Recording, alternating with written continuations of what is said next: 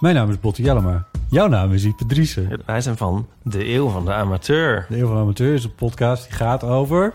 Alles. Het is een eh, podcast over levenskwesties die je niet kunt googlen. Een soort licht neurotische blik op het leven. Het is een podcast met humor. Jezus. Kijk, een grapje. Die, die vragen durft te stellen en die je ook onbeantwoord durft te laten. Mooi. met een regenboogvlagje. Dat, dat noem je queerbot. Dat an- regenboogvlag, dat klinkt echt als een soort... Eh, ik bedoel, iedereen is welkom. Kom ons luisteren in je favoriete podcast-app.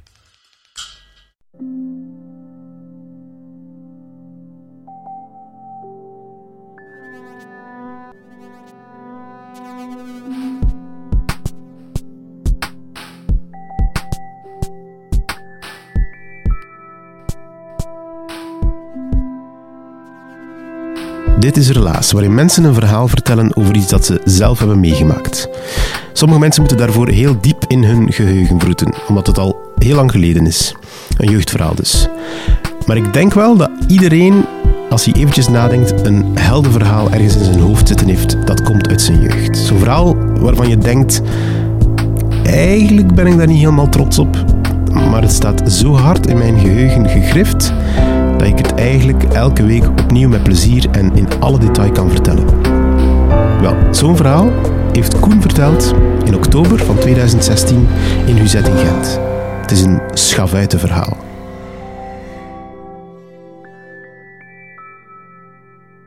Ja, ik ben eh, Koen en ik ben van Mater. Mater ligt ergens in de Vlaamse Ardennen, vlakbij Oudenaarde, in de heuvels. Het is daar heel schoon. Eh, heel fotogeniek, je kunt daar veel wandelen. Je hebt daar bossen, eh, velden. Eh daar is ook de brouwerij Roman, maar voor de rest, eerlijk gezegd, valt daar niets, maar dan ook niets te beleven. Eh, behalve dan, gelukkig, zijn er wel van die plaatsen die met enige fantasie wel een en ander kunnen betekenen. En zo was er ook in ons dorp een heel oud huis. Eigenlijk een, een huis, annex boerderij, annex oud café. Eh, het stond al sinds mensenheugenis leeg. En al wat je daarbij ziet, kan je je voorstellen, dat is perfect hoe zo'n oud huis er moet uitzien. Alle ramen in die woning die waren eruit. S'nachts zag dat eruit als gapende ogen en overdag was dat heel aantrekkelijk om een keer naar binnen te kijken. Eh, het dak stond eigenlijk op instorten, de muren begonnen echt tekenen van een groot verval te vertonen. Maar dat is zo super aantrekkelijk. En de allereerste keer dat ik erin geweest ben, was samen met mijn pa. Eh, ik moet zo'n jaar of twaalf geweest zijn en hij nam mij mee naar dat huis, duwde de deur open en je was onmiddellijk binnen. En dat was er natuurlijk fantastisch. Maar het was geen gewoon huis, maar het was echt een oude café. Je moet daar niet bij voorstellen dat er nog echt een toog stond met, eh, met drank en met een tapkast, dat niet. Maar je kon je dat direct wel inbeelden dat het er was. hè. Er stond effectief nog iets van een toog. Daar lagen overal lege flesjes. Eh, in de slaapkamer stond nog een oud bed met erop een matras en, en een kussen. En daar waren allerlei vreemde vlekken op die matras en, en op dat kussen. Het was ook overladen met een berg stof. Had ook een zolder. Die zolder is wel speciaal, dat is zo'n zolder die eigenlijk eh, vroeger een hooizolder was. En dat waarom is dat speciaal? Omdat je geen echt raam hebt, maar zo'n deurgat waaraan van onder geen plint is. Eh, in de kelder eh, lag er voornamelijk oude brol, veel glas, rommel en een hele hoop flesjes. Nu met een pa erin geweest. Natuurlijk, nadien wou ik dat wel een keer tonen aan mijn eh, dorpsgenoten. En vooral de mensen vanuit mijn wijk. Ik was zo wat de oudste van de wijk. Ik nam de jongere kinderen mee. Kom, gaan gaan kijken naar het oud huis in de jagerij. Midden in de jagerij staat er een oud huis. Het is lekker een boerderij. Het heeft ook nog een schuur, dat heb ik nog niet verteld. En in die schuur stonden nog oude, maar onbruikbare landbouwmachines. Dus wij daarin. En dat was zo bijna een, eh, een telkens terugkerende kleine uitstap. Dat is ongeveer anderhalve kilometer van onze wijk. Dus niet zo ver om naartoe te stappen. Hadden in die tijd ook nog helemaal geen computers of laptops of dingen waarmee je eh, ergens anders kon terechtkomen via de, de, de digitale baan. Nee, je moest, als je op avontuur wou, moest je het dorp intrekken en dan kwam je wel terecht in die oude woning. We hebben er allerlei spelletjes in gespeeld. verstopperke, later ook dokterke. Alhoewel, Stel u daar geen al te straffe dingen bij voor. En we waren braaf in die tijd, in het katholieke mater. Dus in die zin was dat niet zo spectaculair. Maar het is allemaal een beetje beginnen veran- veranderen toen ik eh, zo'n jaar of... Ik, het is moeilijk om, de, om precies te weten wanneer het was, maar ik denk zo'n jaar of 14, 15. En toen had ik een eh, vriend van mij uitgenodigd die niet van Mater was, maar van Oudenaarde. Een, eh, geen klasgenoot, maar wel een schoolgenoot. Maar we deelden een gemeenschappelijke passie. We waren alle twee, je zal het misschien al gezien hebben, nu nog steeds, maar alle twee waren we overtuigde heavy metal fans. En vooral dan van de oer-black metal groep Venom. Dat was onze favoriete groep. En eh, we gingen bij elkaar op bezoek en dan draaiden we wat platen van Venom of van andere groepen. We praten daar veel over. Maar ja, goed, daarmee vul je geen zomerse namiddag. En toen zei ik tegen mijn vriend Kurt... Ik zeg, Kurt, weet je wat? Ik weet iets in Mater zijn. Het is niet spannend voor de rest, maar Mater heeft één ding. Dat is een oud huis, annex boerderij, annex café. Ja, je stelde zich daar al voor dat er nog bierflesjes lagen met vol bier, maar dat was dus niet het geval natuurlijk. Nee, nee, nee, het is echt een leeg gebouw. Maar gaat dat zien, dat is geweldig. We zijn er toen naartoe gestapt. Ik zei het, was maar anderhalve kilometer. We waren daar vrij snel. Eh, Kurt, mijn maat, een imposante kerel, een stuk imposanter dan ikzelf. Ik toen nog een klein ventje met krullende lange haren. En hij dus met hele lange haren en eh, allerlei vreemde. Mijn moeder vond trouwens dat hij eruit zag als een clown. Hij droeg van die broeken met veel strepen enzovoort. Het zag er ook heel indrukwekkend uit, met die priemende ogen. Dus dat was een vrij indrukwekkend figuur. In die opzicht dat hij hem ook maar 14 jaar was natuurlijk. Maar toch, toch. eh, mijn moeder was er al van onder de indruk. Dat was toch al iets. Ehm, dus we kwamen daartoe in dat huis. Eh, Zijn verwachtingen, denk ik, waren niet zo groot. Maar toen hij binnenkwam, waren we onmiddellijk overtuigd. Toen hij binnenkwam, zei hij, wauw, het is echt geweldig. Nu, wat stond daar nog? Niet veel meer. In de loop van de jaren was er nog meer verdwenen. Die matras, foetsie. Eh, het enige wat er nog stond, Het is eigenlijk iets onnozel, maar ik herinner het mij alsof dat eh, gisteren was. Er stond daar, op, de, op een plint stond er een oude, zo van die oude koekendozen. Van die blikken, oude koekendozen, met een afbeelding van de huwelijksfoto van eh, koningin Fabiola en koning Boudewijn op. Dat was het enige wat er nog enigszins van waarde was. Dus wij dat huis verkennen en ook naar die kelder. Nu, die kelder had een speciale klank. Als je daarin praatte, gaf dat zo'n indruk. Nu, die kelder voor de rest was dat heel vuil. Er stelde daar geen propere, lege ruimte voor waar je een vertelavond kan organiseren. Nee, dat was, een, dat was een kelder vol met glas en vuile rommel, maar dat klonk goed. En daar oefenden wij de bekendste quote van mijn favoriete band. Ik heb er lang over nagedacht of ik het zal laten horen, maar ik ga het eens proberen. Ik ga een beetje meer afstand nemen, dat is behoorlijk ruig. Het is zoiets van... eh, is gewoon de quote hoe dat zij op het einde van het nummer zingen. Het klinkt zo. Lay down your soul to the gods, rock and roll. Oh, black metal. Zoiets.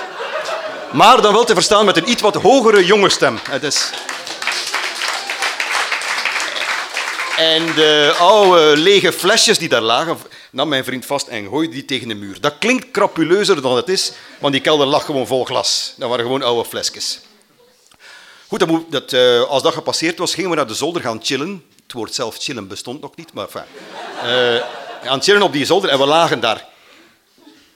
Maar nog niet lang daarna, ik kon direct naar buiten kijken, zag ik een oude klasgenoot van de lagere school. En die riep, Door zijn ze, Julien! En die Julien, dat was de, een oude boer, samen met zijn zoon. En ik voelde al meteen dat er onheil op komst was.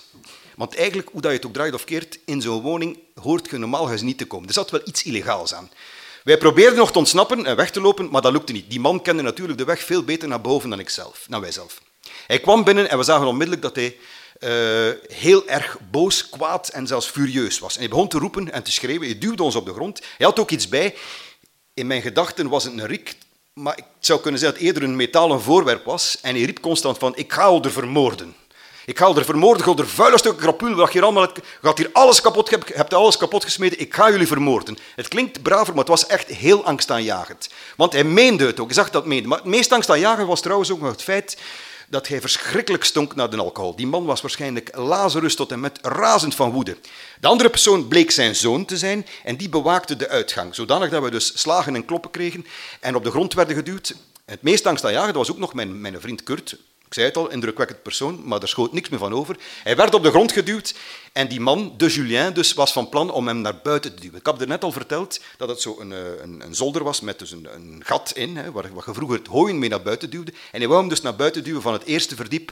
En daar beneden lag er ook veel rommel, dus dat was heel gevaarlijk. Ik ben toen gaan smeken tegen die, eh, tegen die zoon van alsjeblieft, die, die, die man, maar ik wist toen niet dat het zijn vader was natuurlijk, die man wil, wil ons vermoorden, die gaat ons kwaad we hebben echt niks gedaan, we zullen hier nooit meer terugkomen, alsjeblieft laat ons door, maar hij liet ons dus eerst niet door. En hij bleef maar schreeuwen, die boer, en, en, eh, en mij omverduwen. Hem. Uiteindelijk, maar op zeker moment, hoe dit precies gebeurd is, in mijn gedachten heeft hij op een bepaald moment gedacht van nee, dit gaat hier te ver, en is hij opzij gegaan, maar we zijn effectief kunnen ontsnappen. We zijn naar beneden gelopen, weggelopen over al die rommel die ook buiten lag, tot midden van de jagerij, de straat waar die woning stond. En dan zuchtend gezegd van, Wat hebben we daar meegemaakt? Dat is, dat is niet te doen. Wat hebben we daar meegemaakt? Dat gaan we nooit meer... Maar we mogen dat ook aan niemand vertellen, want niemand zal het begrijpen. Vertel het niet aan mijn ouders, want ze gaan er niet, ze gaan niet verstaan wat er gebeurd is. En al zeker niet tegen uw ouders, want ze gaan denken van, je komt dan een keer op bezoek bij een jongen in Mater, hij komt buiten als een, eh, als een geslagen hond, bijna letterlijk. Oké, we dachten van, we zijn er dus vanaf. Oef.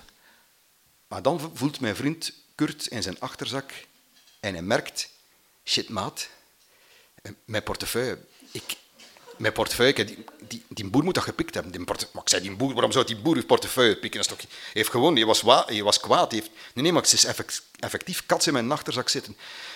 Ik zeg, zit daar iets waardevols in of zoiets? Nee, nee, juist mijn identiteitskaart, mijn paspoort. Ja, terugkeren was natuurlijk geen optie, dat kun je wel inbeelden. Dus dachten we van, ja, wat zou hij met die identiteitskaart kunnen doen? Naar de politie mee toestappen? Ik dacht van, ja, politie, wat zou de politie... Maar we hebben eigenlijk niks misdaan. We zijn gewoon binnen geweest. We hebben eigenlijk niks gedaan, dus de politie kan daar niks gaan doen. Dus laat ons zwijgen en vraag je gewoon een nieuwe identiteits- identiteitskaart aan. Zeg dat je ze verloren bent en er zal waarschijnlijk niks gebeuren. Zo gezegd, zo gedaan. We hadden ook gezworen van niks te vertellen. Nu, dat hebben we niet lang gehouden. Bij mij thuis heb ik niks verteld, maar op school tegen al onze vrienden vertelden we natuurlijk een woest verhaal hoe dat we door een eh, razende, zatte boer eh, verschrikkelijk veel slagen hebben gekregen, echt doodsangst hebben uitgestaan. Maar het is nog niet gedaan. Een, een paar weken nadien, ik was samen thuis met mijn ma. Eh, het moet de zomervakantie geweest zijn, ik herinner me nog een warme dag en er wordt gebeld. Ik zeg, ik doe open, mijn ma gaat mee. En wie staat er aan die deur? Julien. Hij zag er iets kalmer uit, maar toch heel vastberaden. Hij duwt de deur open en hij komt naar binnen. Daar zie, uw zoon de schone jongen. Je ingebroken, ingebroken bij mij thuis. En ik zo, ingebroken? Nee, nee, ma, dat is niet waar. Hier. En hij begint dan aan de schuifdeur die de living en de keuken verbond te trekken en te sleuren. Wat zou er van pijzen? Moest ik in een keer alles komen afbreken dat hij gedaan heeft. Mijn moeder begon in paniek te slaan. Ik klei onmiddellijk uit. Nee, mama, dat is dat huis, dat is geen huis. Dat is zijn huis niet, dat is die lege boerderij die er staat. Waar ik samen nog met pa ben geweest. Maar mijn ma, natuurlijk helemaal gechoqueerd door het, door het vrij brutale karakter van die man, die zei van, ja, uw zoon heeft ingebroken bij mij thuis, dat ze zich niet meer helder kon denken en dus dacht van, hij heeft effectief samen met zijn maat Kurt, want ze had al vrij snel door, in een huis binnen geweest en dan een boel kort en klein gesmeten.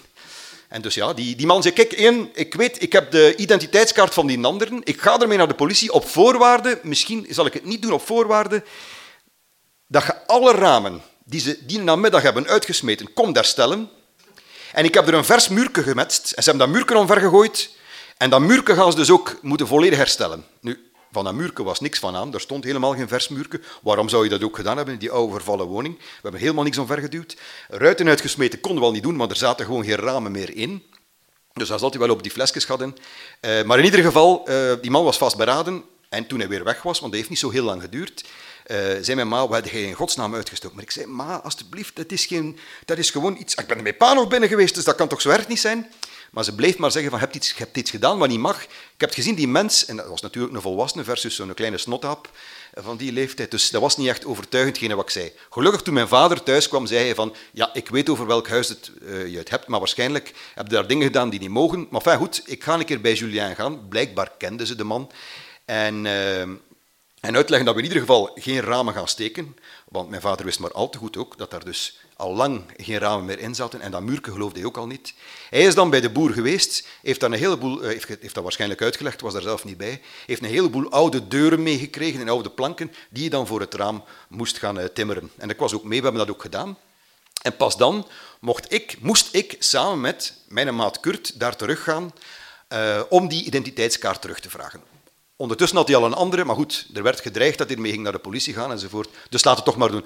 Kurt was natuurlijk in het begin niet overtuigd. Maar ik zei, maar de tweede keer dat ik hem gezien heb, viel hij al iets beter mee dan die eerste keer. Dus, en inderdaad, toen we daartoe kwamen, zat er eigenlijk een oude vriendelijke bompa. Vriendelijk, een oude bompa in zijn zetel. Eh, ik zag ook dat, de, dat een meisje daar was, zijn dochter, eigenlijk een vroegere klasgenote uit de kleuterklas van mij was. Zwat, hij uh, zit uh, Kurt zo te bekijken. En maar zegt hij, ik kijk naar die identiteitskaart, maar dat zei jij niet. Hè? Zei, probeer jij me iets wijs te maken? Jij? Dat, dat is zelf niet die er geweest is. Ah, ik zag jawel. En Kurt zag er helemaal niet anders uit dan toen. Maar op die identiteitskaart stond een manneke met een brilletje, met kort haar en heel vriendelijk ogend. Dus dacht hij van, hij was waarschijnlijk in zijn zatte bui vergeten dat hij een ander eruit zag. En dus moesten we nog eens terugkeren. Hij moest zijn bril opzetten. Het klinkt ongeloofwaardig, maar dus echt, dus echt gebeurd. Hij is effectief naar huis gegaan, heeft zijn bril opgezet en dan, oké, kreeg hij die tijdskaart terug en was eigenlijk alles opgelost. We hebben daar nooit zoveel meer van gehoord, maar later heb ik eigenlijk ontdekt wat er aan de hand is. Waarom was die man nu zo razend? We hadden, oké, misschien een beetje lawaai gemaakt in die kelder, maar moet je daarom zo kwaad zijn? Oké, de alcohol enzovoort, maar het had natuurlijk te maken met, met de geschiedenis achter dat huis. Hè. Dat was een leegstaand huis dat al een aantal decennia leeg stond en dat blijkbaar een, eh, een erfeniskwestie was. Hij samen met nog een andere boer had uh, die erfenis gekregen van, ik denk een onkel, of in ieder geval familie, maar ze kwamen niet overeen. En daardoor bleef het huis leeg staan. En het huis verloederde en verval en verviel echt, uh, zoals het normaal gebeurt. En vandaar ook dat hij waarschijnlijk de kans had geroken van, ik ga je een keer serieus van mijn neus maken en al hetgene wat er vroeger gebeurd is laten herstellen. En eigenlijk de frustratie en de woede die ik heb, omwille van het feit dat we die erfenis niet kunnen waarmaken, uh, uiteindelijk oplossen. Nu, ik heb dat verhaal zelf honderden keren verteld, zeggen sommigen. En soms zei er weer met dat verhaal over dat huis. Nu, ondertussen doe ik dat niet meer, gewoon omdat het huis zelf verdwenen is. Het staat er niet meer. Ondertussen staat er een statige villa. Uh, dus is eigenlijk een stukje geschiedenis verdwenen. Is mijn dorp er alleen een stukje rustiger op geworden.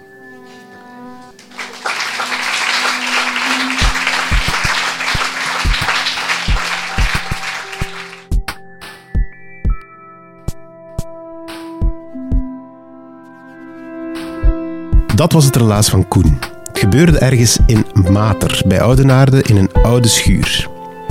Heel lang geleden, maar ik kwam er in uh, oktober van 2016 over vertellen in Husset, in Gent. Uh, het is zo'n verhaal dat bij Koen altijd is blijven plakken en dat hem ook gemaakt heeft tot wat hij is. Je moet maar eens kijken op onze website hoe die gast er precies uitziet. Zijn foto staat op onze website www.relaas.be en dan snap je meteen waarom muziek zo'n invloed op zijn leven heeft gehad. Misschien ga ik hier heel kort door de bocht, Koen, maar ik had toch zo'n gevoel van, yeah, die gast heeft echt nog metal in zijn aderen. Ik denk dat iedereen wel een verhaal heeft uit zijn jeugd dat in zijn geheugen gegrift staat. Uh, niet iedereen kan dat mooi vertellen, maar dat is niet zo erg. Um, als jij iemand kent die wel mooi zou kunnen vertellen, of als je denkt van ik heb een verhaal dat zo bijzonder is, ik wil wel, wel wat hulp om dat te kunnen vertellen voor Relaas, dan kan je je kandidaat stellen altijd om een verhaal te vertellen. Dat kan via www.relaas.be en daar gewoon een berichtje achterlaten of gewoon via Facebook. Hey, ik ben XXX en ik zou heel graag een verhaal vertellen daarover. Dan nemen wij met jou contact op. Relaas is er dankzij de steun van de stad Gent en onze partners, dat zijn Urgent FM, Pulp Deluxe en REC. En Relaas wordt gemaakt door een hele groep vrijwilligers. Dieter van Huffel, Timo van de Voorde, Sarah Latré, Philip Cox, Evert Saver, Charlotte Huigen, Marilyn Michels, Anne van den Abelen, Kenny Vermeuren, Sarah de Moor, Anneleen Schelstraten, Ruby Bernabé Ploe en ikzelf ben Pieter Blomme. En jullie helpen mee om Relaas groot te maken, dus deel ons like ons, share onze verhalen. Als je een tof verhaal ergens gezien of gehoord hebt van Relaas, deel dat eventjes op je wall of ergens via Instagram. En dan vinden mensen ons en op die manier winnen wij nog wat extra zieltjes voor Relaas. Ze zijn altijd welkom. Bedankt om te luisteren en tot de volgende Relaas.